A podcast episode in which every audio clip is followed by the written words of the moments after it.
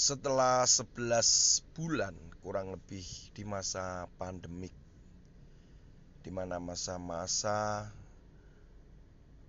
anak-anak kita harus sekolah tetapi tidak bisa bertemu secara langsung dengan teman-teman mereka. Hanya melalui daring atau online mereka belajar mereka berkomunikasi dengan teman-temannya. Pemerintah dengan protokol memiliki peraturan juga untuk menghindari kerumunan, menjaga jarak. Berbicara pun harus hati-hati, mengingat virus COVID-19 menularkan atau berkembang melalui droplet. Hal ini membuat anak-anak kita menjadi kurangnya kebutuhan bersosialisasi. Sadar atau tidak bahwa kebutuhan akan bersosialisasi menjadi berkurang. Mereka tidak bertemu dengan teman-temannya, mereka tidak bisa bermain, bahkan mereka juga tidak bisa bercanda Bahkan mereka juga nggak bisa bersukat ria dengan mereka, teman-teman mereka. Apakah ada pengaruh secara psikologisnya? Mungkin saja.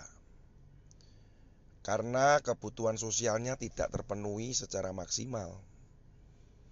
Apa yang terjadi, anak-anak bisa jadi mereka menjadi ketakutan bertemu dengan orang. Mereka jadi hidup menyendiri, mereka menjadi apatis, emosionalnya terpengaruh. Karena pertumbuhan manusia itu kepribadiannya matang atau tidak, itu salah satu pembentuknya adalah interaksi dengan orang lain bukan hanya secara online atau tanpa tatap muka, tetapi juga dengan bertatap muka.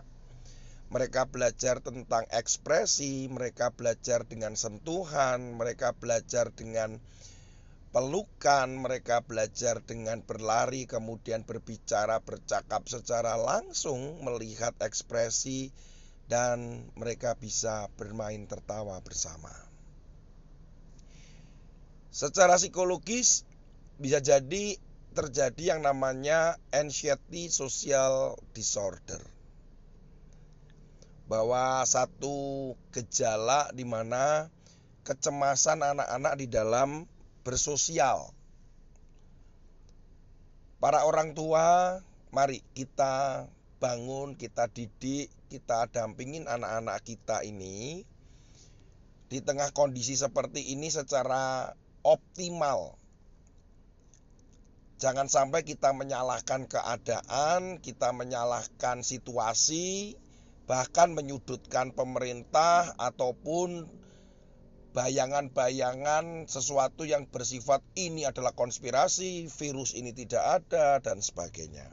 Mari kita hadapi bersama-sama dalam mendidik anak-anak kita untuk terhindar dari anxiety social disorder.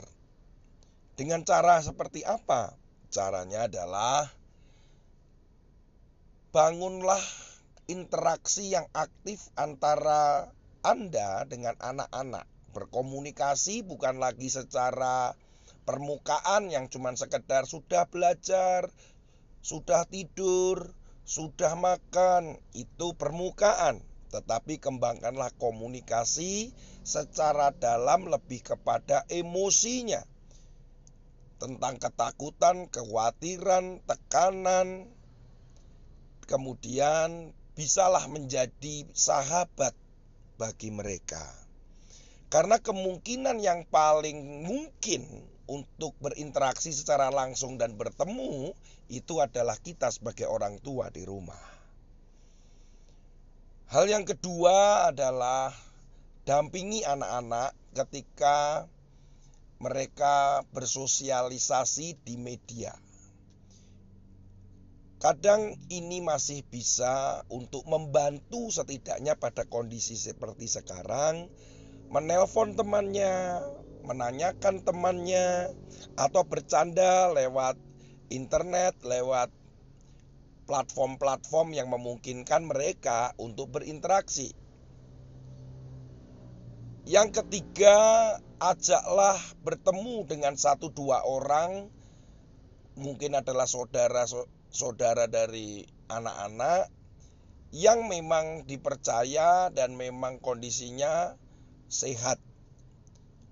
Setidaknya seminggu sekali untuk bertemu, hanya untuk bercakap, kemudian pergi bersama, tetapi tetap perhatikan protokol kesehatan.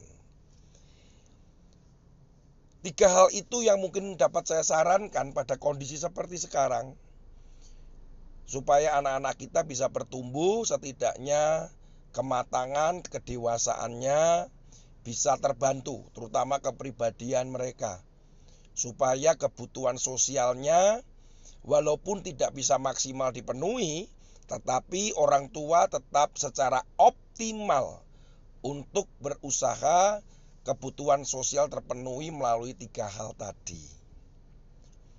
Berinteraksi dengan anak dengan percakapan komunikasi yang dalam. Yang kedua adalah mendampingi ketika mereka melakukan komunikasi di media sosial. Ketiga, ajaklah dengan orang-orang yang bisa dipercaya untuk seminggu sekali mereka bisa berinteraksi secara langsung. Para orang tua, mari kita bersama-sama membangun negeri ini dengan semangat bersama dengan Parent Inc.